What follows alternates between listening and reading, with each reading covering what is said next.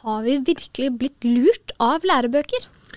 Ja, jeg har en mistanke om det at eh, altfor mange er blitt lurt av lærebøker. Men er det ingen som passer på at skolen lærer barn riktige ting? Det spørs hva man mener med spørsmålet, men uh, bortsett fra eksamen, så er det ikke så veldig mye som skjer der, tror jeg. Uh, og nå har det vært slutt på eksamen også noen år, så, så jeg er usikker. Du hører på Lurt av læreboken, en podkast av Fagsjekk i regi av laget. Jeg er Sara Victoria Løvre, og jeg har med meg Bjørn Are Davidsen. Hei. Hallo. Du er redaktør i Fagsjekk. Og i dag så skal du få lov til å skinne litt. Ja, det er uh, greit å kunne løfte seg litt opp av eh, stolen. Kanskje ikke gjør det her, men i hvert fall å kunne uh, løfte ordet litt og si litt mer enn jeg har gjort før, kanskje. Ja, fordi du har jo skrevet en bok selv. Du har faktisk skrevet flere bøker, men i dag så skal vi snakke om denne boken som har samme navn som podkasten. 'Lurt av læreboken'. Så på hvilken måte lurer lærebøker oss? Ja, altså, bare for å si det med en gang, da, så er det et forsøk på et ordspill, denne tittelen på boken. Det er altså både det spørsmålet om det var lurt av læreboken å f.eks. dele historien inn i disse epokene, mm. antikken, middelalderen, renessansen osv., og, og om vi ved f.eks. det grepet da, har lett for å bli lurt av læreboken. Så det er liksom dobbel betydning her. Så det som er meningen med boken, er ikke bare å si at vi er blitt liksom eh, narret av, av mm. læreboken, men vi er nok blitt det. Og det er noen områder. altså Det ene er der hvor det er direkte feil. Altså, En ting er trykkfeil, å si at vi fikk Grunnloven i 1714. Da vil jo alle, håper jeg, skjønne at det var feil. Og, eh, men så har vi dette med, som går på direkte feil, altså f.eks. at man i middelalderen mente jorden var flat, som en rekke lærebøker har sagt i veldig mange år. Men det er altså feil. Så har vi ting som mer skaper eh, forvirring, kanskje. Altså at man utelater ting. Lar være å fortelle ting om for eksempel at i opplysningstiden var veldig mange av de ledende tenkerne var kristne. Og mens inntrykket som etterlates, og som forvirrer folk, er at man tror de var enten eh, ateister, eller i hvert fall var veldig sånn lite begeistret for kristendommen. Og det var jo noen som var lite begeistret, men det var liksom ikke langt fra alle.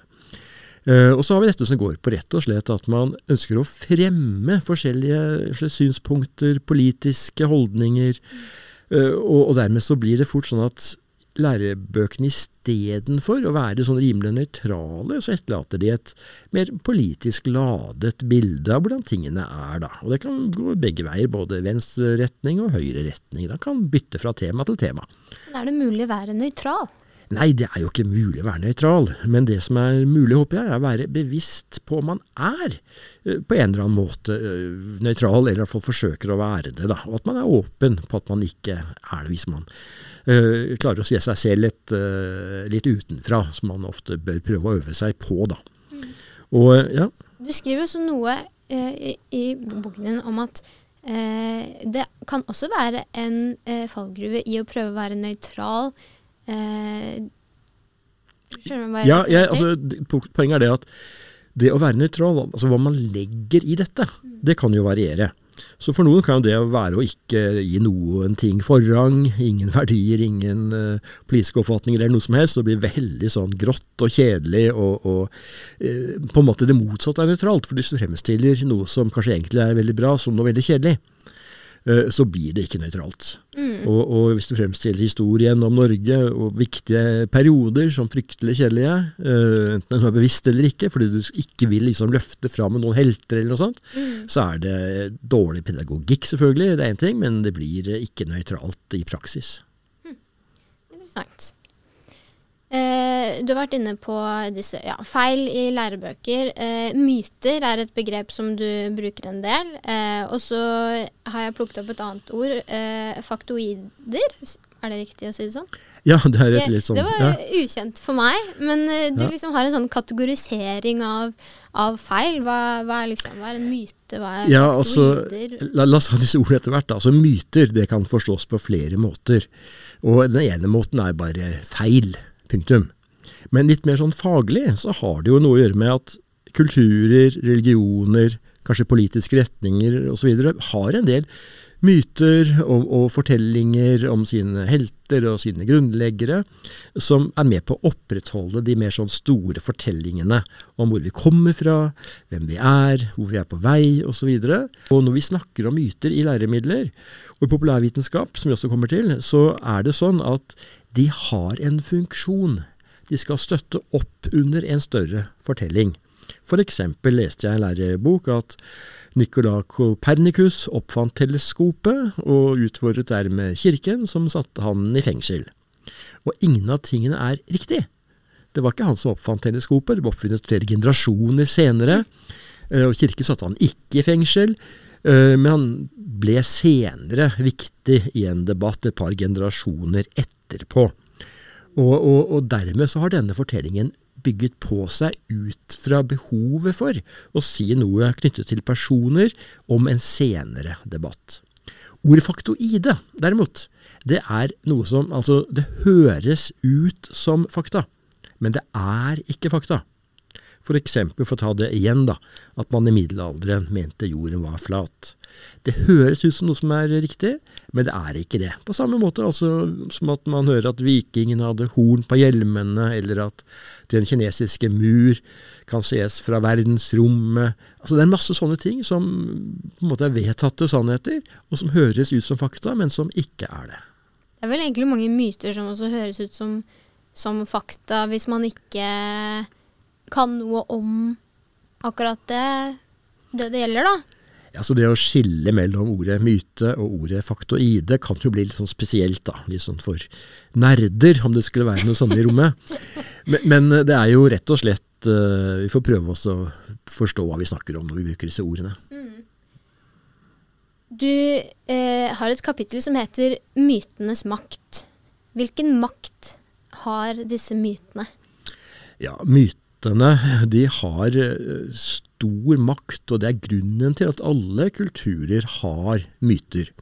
Fordi at de er naturlige for oss for å liksom bekrefte hvem vi er, for å eh, løfte fram de verdiene, de holdningene, de uh, rett og slett tingene som gjør at vi føler at vi er hjemme, at vi kan få positiv opplevelse av oss selv, av hva vi driver med.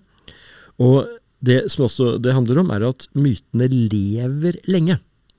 De kan godt bli motarbeidet, og f.eks. kan fagfolk på ulike områder se at dette her stemmer jo ikke, og si fra. Men likevel fortsetter disse mytene å leve videre. Og noen av dem er jo veldig sånn, sånn tullete, med at uh, skotter er gjerrige, eller jenter kan ikke lukeparkere. ikke sant? Men de bygger opp om et bilde som har vært i en kultur kanskje av skotter og jenter. Uh, og, og, og, det spiller ingen rolle om man da kan vise ved undersøkelser og sånt at dette overhodet ikke stemmer. De ligger der som veldig naturlige å ha med oss i, i bakhodet og snakke om i lunsjen og sånt. Mm.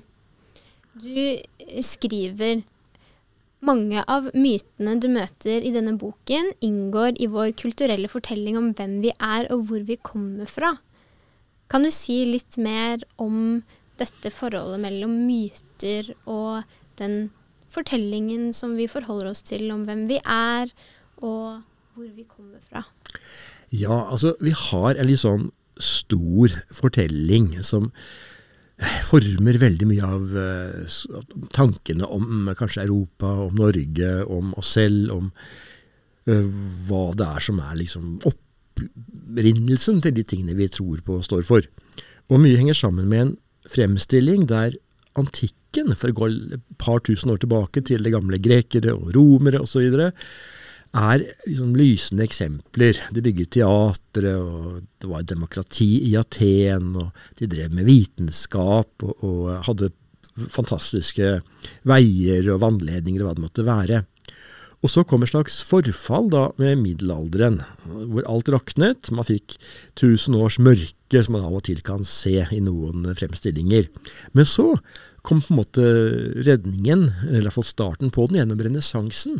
Man vendte tilbake igjen til antikkens verdier og kunst osv. Og, så og fikk mer vitenskap. eh, Etter at kirken hadde forfulgt eh, disse vitenskapsmennene, blir det sagt, i denne store fortellingen. Og det bygget på seg. Man fikk opplysningstiden, man fikk det moderne samfunn, man fikk demokratiet og det liberale, gode velferdssamfunnet som mange da mener at virkelig er som toppen av utviklingen, selv om det alltid kan bli bedre. Mm, så det, det her er eh, mytefremstillingen, eller hva skal man si, en ukorrekt fremstilling av historien, men den som ofte fremmes. Ja, det er en veldig unyansert og øh, hva skal vi si øh, fremstilling som rett og slett bygger på en masse myter både om antikken, om middelalderen, om renessansen, om opplysningstiden, om det moderne samfunn.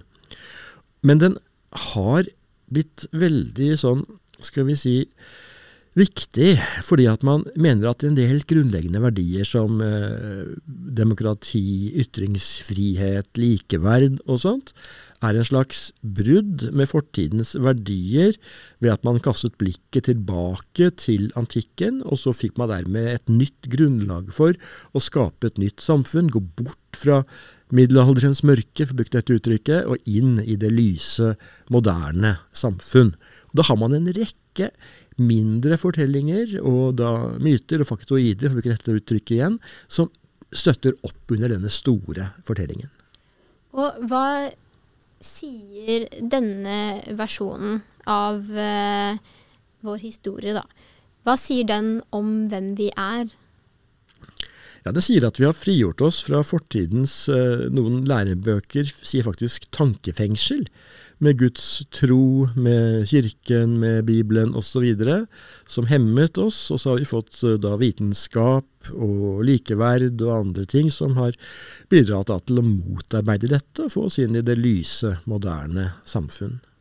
Men hvis historien egentlig er mer nyansert, hva er eh, en sannere historie om hvem vi er? Ja, og, og, og det er en utrolig spennende utfordring å få. Hvordan skal man fortelle en sannere historie? Og da må man jo gå inn på hver av disse periodene, og i det hele tatt på det å bruke slike navn på disse periodene. Altså ordet antikken betyr jo bare noe sånt gammelt uh, fra tidligere av. Uh, antikvitet, liksom. Eh, gammel kommode fra oldefar. Men, men, det man legger i dette, er jo ofte en, syn, en tanke om den klassiske Det som ofte kalles for den helenistiske verden. Og så løfter man fram bare deler av den. Og Det som er et viktig poeng her, er at spørsmålet om hvilke deler man løfter fram, sier veldig mye mer om ettertiden. Om kanskje middelalderen og opplysningstiden enn det sier om antikken. Mm. Altså Demokratiet var en veldig begrenset periode i Aten. Det var jo bare for de rike og mektige. Kvinner var ikke med på den. Slaver, som var nesten flertall i samfunnet, var ikke med på dette. Og det var en måte å ordne seg på, slik at man slapp på en måte ta ansvar. at man, Det var liksom flertallet som bestemte. Da ble det litt mindre strid og kamp i eliten. Mm. Uh, og så ble, sluttet man med det der, sånn, for man heller vil ha kompetente, flinke folk som bestemte, og kunne handle raskere og bestemme raskere, osv. videre Og, og Romerriket var jo et fryktelig grufullt uh, keiserrike. Mm. Cæsar skrøt av at, av at, han hadde drept millioner av gallere da han erobret uh, Gallia, sånn rundt på 40-tallet var det vel, før Kristus. Og det samme ser vi jo videre. altså De korsfestet jo titusener av slaver etter slaveopprør. De, de, drepte utryddet masse stammer, iallfall forsøkte å gjøre det. Og det var ganske mye problemer. Så var det mye bra også. Så, altså, hvis man hadde trukket fram de tingene, eh, og så eh, da snakker om renessansen, som er at man ser tilbake på antikken, så hadde jo Sånn, da hadde jo også renessansen sitt Det navnet, liksom, at det er noe positivt at man ser tilbake. Da hadde jo også det liksom eh, Hva skal man si? Det, grunnlaget for det hadde jo også eh, blitt ganske svakt. Ja, og, og nettopp det at man, man, har lett for å uh, fremstille ting uh, ut fra de verdiene som man mener er bra. Og så har man da en tendens til, og det har vært en lang tradisjon tilbake til 1800-tallet, kanskje enda lenger på en del områder, hvor man f.eks. har fremstilt middelalderen som fryktelig mørk og et stort og klart brudd med antikken. Og hvis man nå i stedet går inn og ser på kilder og litteratur skrevet i middelalderen, så finner man noe helt annet. Altså middelalderen, igjen disse tusen årene, da, mørketiden, er jo utrolig forskjellig, avhengig av hvor man er. I, i, man snakker ofte om bare om Europa, uh, og når man er. Altså Italia på uh, 800-tallet kontra England på 800-tallet. Det er veldig forskjellige ting. Også, ja. Uh, man har jo disse epokene man trekker frem noen ting, for det også er jo eh, noen sånne pedagogiske knagger for, eh, for, elever. Fordi hvordan skal man i det hele tatt klare å huske liksom bare en rekke med eh, hendelser og personer og nyanser i det uendelige når man skal lære om verdenshistorien. Da. Det også blir veldig vanskelig. Så hvordan, hvordan, kan man gjøre det på en god måte? Altså, jeg, jeg lekte meg litt i denne boken da, med å, å, se på ulike varianter å gjøre det på. Man kan kalle ting for forskjellige øh, Altså bruke andre navn på periodene. Ja, For det er mye makt i navnet på periodene. Ja, det er jo det. Man hører jo veldig med liksom, Vi har liksom middelalderen. Den har nesten, det er bare en sånn mellomalder. Har ikke fått sitt eget navn engang, nesten. Nei, ikke sant? Og så har man liksom opplysningstiden. Det er i hvert fall veldig positivt. Så det er utrolig mye makt i disse navnene. Ja, ja, ja. Og Det morsomme er at man ser på, eh, ser på hva som skrevet f.eks. i Frankrike på 1100-tallet. Mm når universitetet der begynte å vokse fram, og det kom hundrevis, tusenvis av studenter til Frankrike, til Paris. Og dermed hadde man plutselig en sammenligning med Aten og de store filosofene Sokrates, Platon, Aristoteles osv. Og, så og man så at det faktisk var flere som nå var i stand til å kunne diskutere filosofi i Paris på 1100-tallet enn det var i Aten på 300-400-tallet før Kristus. Og dermed oppfattet man seg nå i en opplysningstid, på 1100-tallet. Og på samme måte kan man snakke om ulike renessanser. En på 700-800-tallet under Karl den store, en på nettopp 1100-1200-tallet knyttet til Paris og andre ledende universitetsbyer i Europa. Før man så fikk eh, en tredje, kanskje til og med fjerde, for det var også en på 900-tallet uh, gjennom den italienske mer kunstrenessansen på 1300-1400-tallet. Og det å kalle perioden for renessansené mm. istedenfor middelalderen, mm. det gir en helt annen, uh, helt, et helt annet inntrykk enn om man kaller det for middelalderen. Mm. Og så kan man kalle opplysningstiden kanskje for for diskusjonstiden, eller kalle det for dampmaskinens tid. Altså, Da får du helt mer fokus på det teknologiske. Mm. Og, og, og, alle sånne måter å snakke annerledes om disse epokene på, kan være veldig spennende i undervisning. Fordi du da får litt sånn overraskende kanskje perspektiver, og får begynt å tenke litt annerledes om, om hva som faktisk har skjedd. Så renessansen kan man kalle for boktrykkertiden, ikke sant? for da begynte man med boktrykking. Og hvorfor gjorde man det, og hvordan ble denne brukt annerledes i Europa enn i Kina eller det ottomanske riket, eller noe sånt. Hm. Jeg syns det er utrolig interessant. Det er spennende rebranding si, av, av epokene. Eh, har du fått noen respons på det, egentlig? Er det noen som har begynt å bruke det? Ja, det morsomme var at jeg hadde en eh, debatt her med en, en uh, lærer, og, og, han sa jo det at om dette er ikke noe nytt, det er jo sånn jeg gjør det. Ja. Og så tenkte jeg what, har jeg som funnet opp kruttet på nytt, liksom? uh, men det jeg etter hvert har funnet ut, er at han var nok litt unntak. Men jeg håper jo at, at det finnes mange lærere som enten gjør dette, eller kan begynne å tenke at det er mulig å gjøre noe sånt, bare for å utfordre elevene. Mm. Det å skulle finne ut av hva som er eh, riktig og galt, det er jo ikke så lett. Eh, når man ikke har den eh, gleden av å etterforske sånn som du har, Bjørn Are. Hvordan, eh, hvordan skal vi, vi, folk flest, klare å navigere i dette her? Ja, Det er et uh, altfor godt spørsmål. For uh, jeg har jo selvfølgelig tatt feil mange ganger, jeg, og sikkert fortsatt på noen områder. Uh, og det er, jeg tror det er viktig å ha en ydmykhet Mm. overfor de tingene man tror er riktig. Og så er det viktig, å, spesielt når man er sikker på at man har rett, ta en ekstra sjekk der. Mm.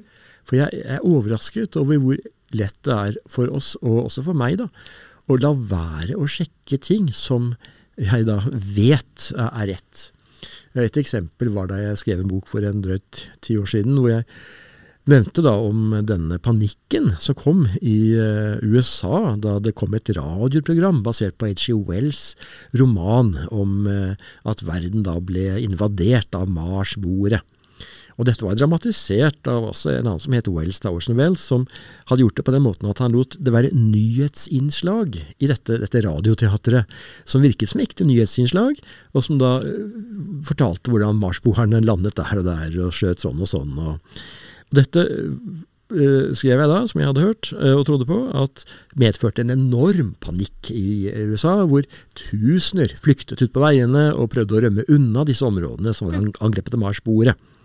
Og så hadde jeg heldigvis vett på meg til å sende manus til en som eh, visste bedre, og fortalte meg at det der er en myte, Bjørn Are.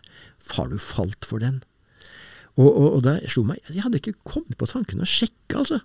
Og så begynte jeg å gjøre det, da, så at han hadde helt rett. Det var veldig begrenset hvor mange som ble redd for dette her, da, og veldig overdrevet og alt sånt. Og hadde vokst på seg årene etter og ble en sånn morsom historieforteller ved rundt på å si leirbålet. Og, og, og det er jeg tror jeg, et poeng at man må prøve å se etter, altså. Og, og der man tror, ikke, ikke kommer på tanken om å se etter.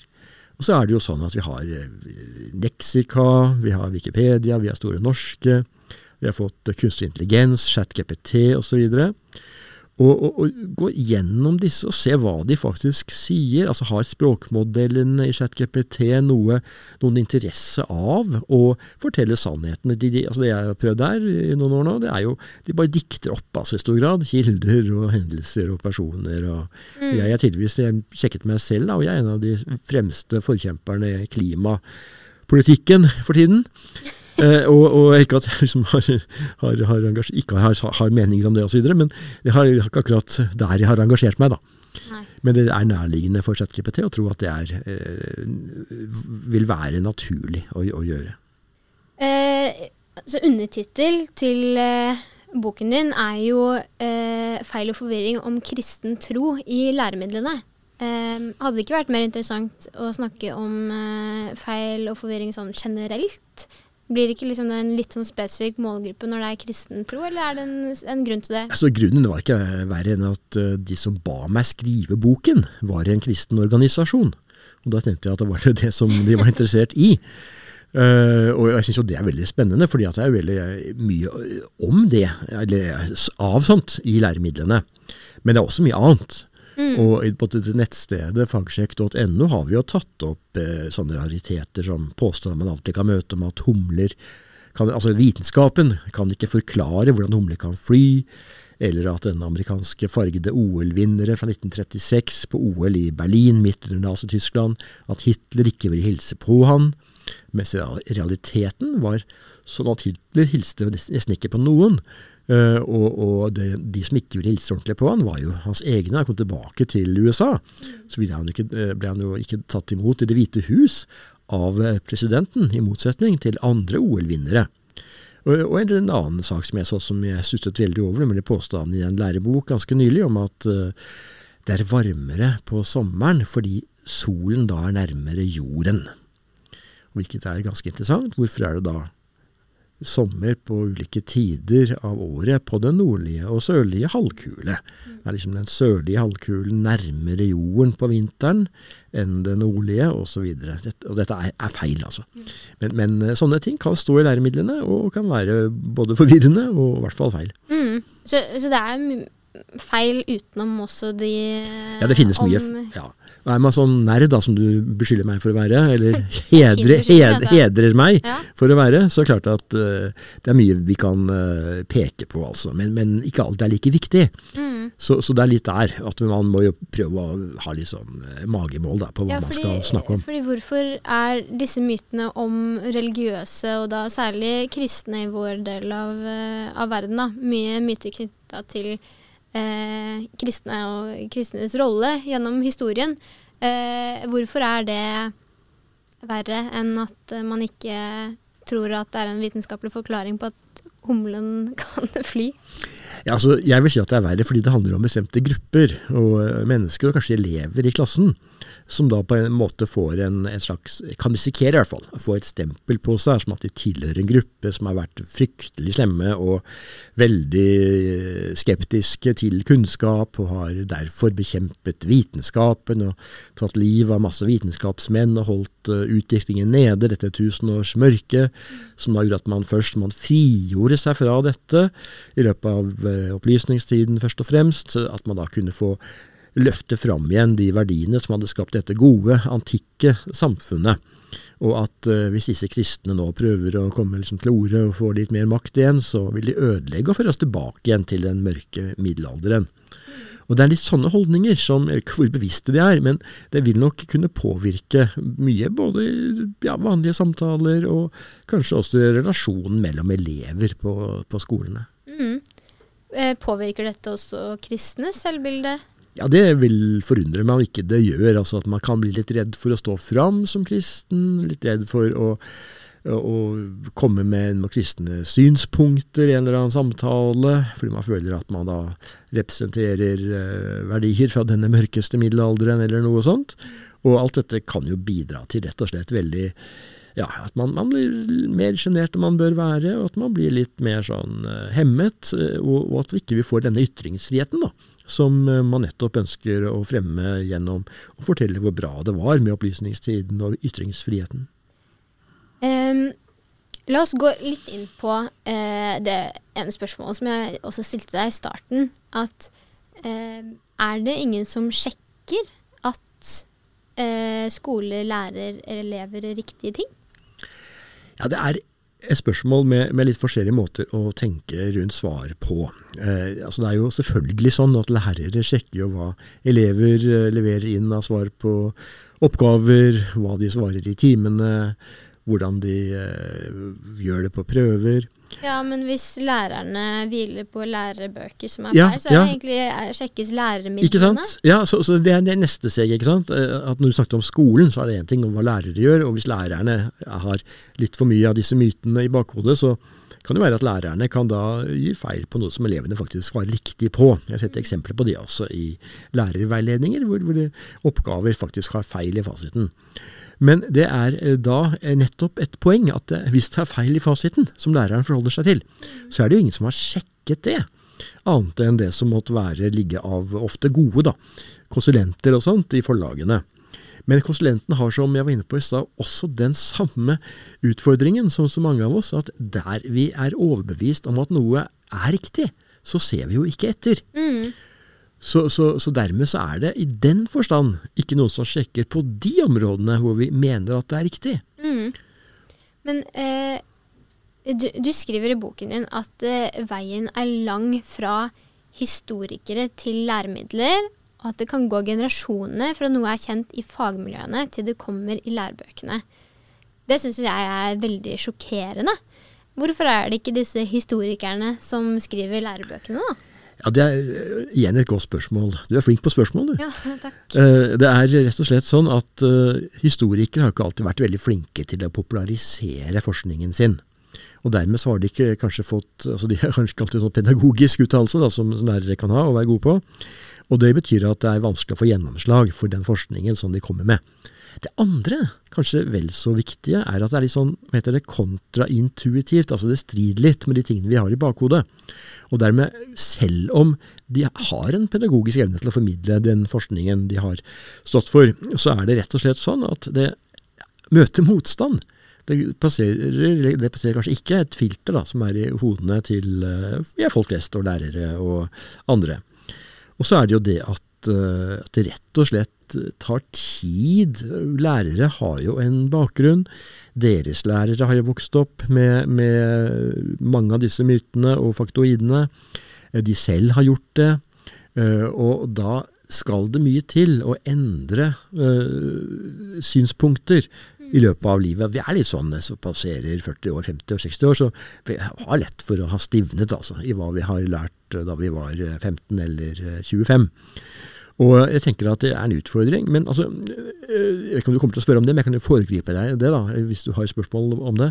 Det var jo en sånn kontrollinstans for lærebøker. Ja, stemmer. Før. Og hvorfor slutta de med det? Ja, altså, jeg tror det er flere grunner til at de sluttet med det. Men, men, det de gjorde der, var jo å undersøke om ting forholdt seg til uh, mønsterplanene og hva det nå het i gamle dager. Den, de tok en slutt for sånn drøyt 20 år siden, dette her. Og eh, sjekket var det god pedagogikk, var det opplagte feil kanskje, som de som sjekket dette her visste om. Men det de dessverre ikke gjorde, var å se etter den type utfordringer, feil, som vi har nevnt i denne podkasten og i en del av våre tidligere. og kommer til å snakke om mer i, i neste podkast. Rett og slett denne store fortellingen, eller rett og slett om, om hva er det som, som er politisk eh, gangbart? Hva er det ulike partier mener? Hva er det ulike regioner mener? Hva er det forskjell på ulike land? Altså, det kan være mye rariteter da, som, som kan være mer eller mindre feil, skjevt osv. Og det jeg også ser som en utfordring, som kan være en bakgrunn for at dette ble slutt, var at det var lett sånn at de tingene som var litt kjepphester for departementet og andre som drev med denne kontrollen, det slapp gjennom. Eh, mens ting som kanskje skurret litt da, mot det som var det liksom, politiske man ønsket å fremme, mm. det slapp ikke gjennom. Ja, Så det ble et politisk spill? Ja, altså jeg har en mistanke. Dette er jo ikke noe som jeg eller andre jeg tror jeg har forsket noe på. da. Mm. Men, men, det er liksom en fare der. At man, har en sånn offentlig godkjenningsinstans, mm. så kan den rett og slett eh, selv være uh, altså direkte eller indirekte. For det kan være at da skriver lærebokforfatterne på måter som de vet vil få aksept. Mm. Fordi de vet at dette er det som liksom treffer godkjenningsinstansens uh, høyere idealer, eller noe sånt. Mm. Istedenfor det som de mener er, er, riktig. Men nå er det jo eh, mindre og mindre lærebøker, og så skal eh, Det er mye på nett og sånn. Altså, tror du elever eh, møter på eh, mer eller mindre myter da? Altså, jeg har skrevet en del om det i denne boken, som ikke bare jeg har skrevet i. den. Det er flere andre, to andre spesielt, som har skrevet i den. Uh, men der understreker jeg det samme. altså at Det er ikke sånn at lærebøker dominerer i skolen. Uh, de er selvfølgelig viktige for mange. Men man har jo lagt veldig mye mer vekt på videoer, på uh, kanskje podkaster og på internett. Men da i et forsøk på å utfordre elever til å tenke kritisk. Og det er det som er spørsmålet. For hvis man nå, som jeg har vært inne på litt før i sendingen, har fått f.eks. ChatGPT, da. Selv om det kan være at skoler ikke vil at elevene skal bruke dette, så kan du være sikker på at noen elever vil bruke det. Uh, og det, de virker jo veldig overbevisende, for de er veldig gode til å formulere seg. Det er sånn de er mm. konstruert. Uh, men hvordan skal vi kunne sjekke denne kunstige intelligensen? Hvordan skal vi kunne sjekke det som står på Store norske leksikon og Wikipedia osv.? Hvordan da? Ja, Da må man nesten utfordre dem og lese flere perspektiver. Mm. Hvis det er forskjell på det som Store norske sier, og det som Wikipedia sier, så kan man jo spørre hvorfor er forskjellen? Og så prøve å se etter hva er kildene. Mm. Kanskje til og med sende en e-post til han som har stått bak, hvis det er oppgitt navn, da, på denne artikkelen eller på flere av dem. Wikipedia er det ofte flere. Og tilsvarende på ChatGPT så kan du jo spørre utfordrende er du sikker på at det er sånn. Jeg finner ikke denne boken du hevder at uh, Jon Fosse har skrevet uh, blant hans litteratur uh, på litteraturlisten på Store norske. Hvor har du det fra? Og så kan da, skal da ChatGPT be om unnskyldning. Jeg har opplevd det mange ganger. At den har unnskyldt seg. 'Jeg tok feil', sier den, og så, så kommer det med noe annet. Men altså, tenker du at dette her skal liksom den enkelte elev gjøre, eller den enkelte lærer? Eller tenker du at man trenger en restrukturering av hvordan kritisk tenkning foregår? Fordi hvis man bare skal tenke, liksom, være litt sånn kritisk, på en måte litt sånn skeptisk eh, Jeg tror, i hvert fall sånn for min egen del, fra å huske liksom, Jeg husker jo at det ble jo nevnt hele tida, liksom. Kritisk eh, til kilder og, og, sånn, og så er man liksom bare sånn hmm, Man liksom bare er litt skeptisk, på en måte. Men jeg kan ikke huske at vi faktisk lærte veldig gode metoder for å gå tilbake og um, kan jeg huske feil, da. Men, men, sånn som du sier, det må jo være en sånn kollektiv oppgave. For jeg kan jo ikke se for meg at liksom den enkelte elev gidder å gjøre det. Og, og, at den enkelte lærer kanskje har tid til å gjøre det.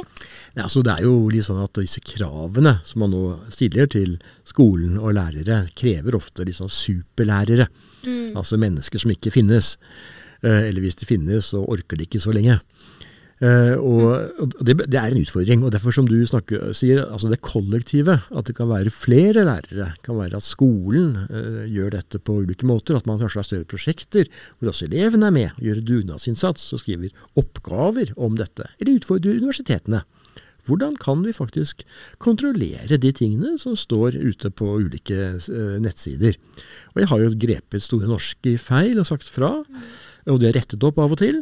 Eh, Wikipedia kan man jo rette opp selv, da, man, eh, men det er ofte en utfordring, for da kan man, man få kjepphester som ikke er riktige, til å se ut som de er riktige. Innføre mye faktoider da, i Wikipedia, mm. eh, siden det er mer sånn eh, ja, alle kan, kan redigere. Eh, jeg tror at dette viser noe av den utfordringen som du er inne på, med at man har lett for da å kunne bli skeptisk til alt. Altså får en slags sånn hyperskepsis, og det er veldig farlig. At du rett og slett kan risikere at tilliten, som ofte er nødvendig i et samfunn, til læremidler, til eh, media, til leksika, den rokkes fordi at du rett og slett enten ikke har verktøy nok som gjør at du kan undersøke så mye at du kan få tillit til at det de sier faktisk stemmer, mm. eller at du rett og slett da lar deg forvirre og lure av useriøse kilder på YouTube f.eks., hvor det er mye forskjellig, eh, eller andre nettsider. da, eh, Og dermed så er du et lett bytte for forskjellige retninger og, og, miljøer som vil eh, fremme agendaer som ikke bidrar til å bygge samfunn og, og fremme sannhet. Mm. Og konspirasjonsteorier har jo en grobunn her, og jeg har jobbet en god del med det, uten å si for mye om det her nå. Men det er en stor, skikkelig Hva skal vi kalle det for? Altså, det, det, er en, det, er en, eh, et område hvor vi må reflektere litt mer over hva er det som gjør at vi skaper tillit Mm. til hverandre, til læremidler. Hvilken rolle har forlagene, forlagets konsulenter, lærebok, forfattere, lærere, skoler, rektorer, media Altså et stort uh, mengde med uh, grupper som, som, jeg mener bør involvere seg mye mer, og hvor for så vidt også fagsjekk da, mm. kan av og til rekke opp hånden og, og si fra om hva, hva vi mener bør, bør, være tydelig i læremidlene. Ja, kan vi bare avslutte med det? Og, eh, fordi du driver jo med dette i fagsjekk, og det er jo noe det, av det vi prøver å gjøre med denne podkasten også. Eh, har du sett noen endring, også med boka? Har du sett noen forandring, noen forbedring? Ja, jeg har jo sett det, heldigvis. Og det gleder jo meg da hver gang noen eh, forlag og andre sier 'oi, du hadde rett, Bjørn Are'. Eh, men det er klart at eh, det vil jo være noen omganger tungt, da, siden ting sitter langt inne, og kanskje jeg ikke alltid ser helt riktig.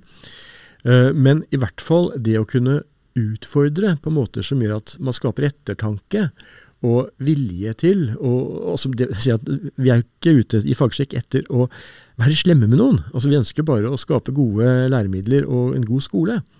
Men, men det som er liksom oss på hjertet, da, det er at uh, vi må forsøke å være villige til rett og slett å rette opp i alle disse fremstillingene som har vært så vanlige i lærebøkene tidligere, og som dessverre henger igjen. Og jeg ser at, uh, som jeg var inne på, at leksika er blitt endret. Nettressurser er blitt endret etter at uh, Fagsjekk har meldt dette inn. Vi har fått stoppet en del læremidler. Og det kommer ut da i nye opplag som jeg har rettet over fall noen av punktene. Vi har til og med fått rettet podkaster på NRK. Eh, men det krever jo at de som er ansvarlige for læremidlene, podkastene og andre, har en vilje til å se om det som Fagsjekk sier faktisk stemmer. Og når de ser at det gjør det, som de heldigvis da ser av og til, så, så, så er det veldig, veldig flott og gledelig å se at de retter opp. Ja, det er bra. Det er, eh, det er håp. Ja, det er det virkelig, altså. Men noen må rekke opp hånden. Ja, og det gjør du gladelig. Jeg er litt for gladelig av og til. Vet, nerder, de, det er Nei, men ikke Det er bra. Er det noe du vil si til slutt? Ja, altså jeg vil jo bare utfordre altså dette her med hva som er lurt av læreboken å gjøre og presentere. og om vi da kan bli lurt av læreboken, både i måten ting fremstilles på, og hva som direkte påstås som ulike tidsperioder for akkurat det, da. Men det finnes jo også andre områder hvor lærebøker bør eh, rett og slett eh, ettergås i sømmene. Uh, og så må man jo bare sette seg rolig ned sammen og snakke sammen. og rett og slett uh, prøve å legge litt agendaer til side og være bevisste på at det vi er opptatt av, er hva som er sant, og hva som er best for å formidle noe bra til elever i, i skolen. Mm. Takk til dere som har hørt på Lurt av læreboken. Jeg vil på det sterkeste anbefale boken Lurt av læreboken. Og sjekk også ut fagsjekk.no.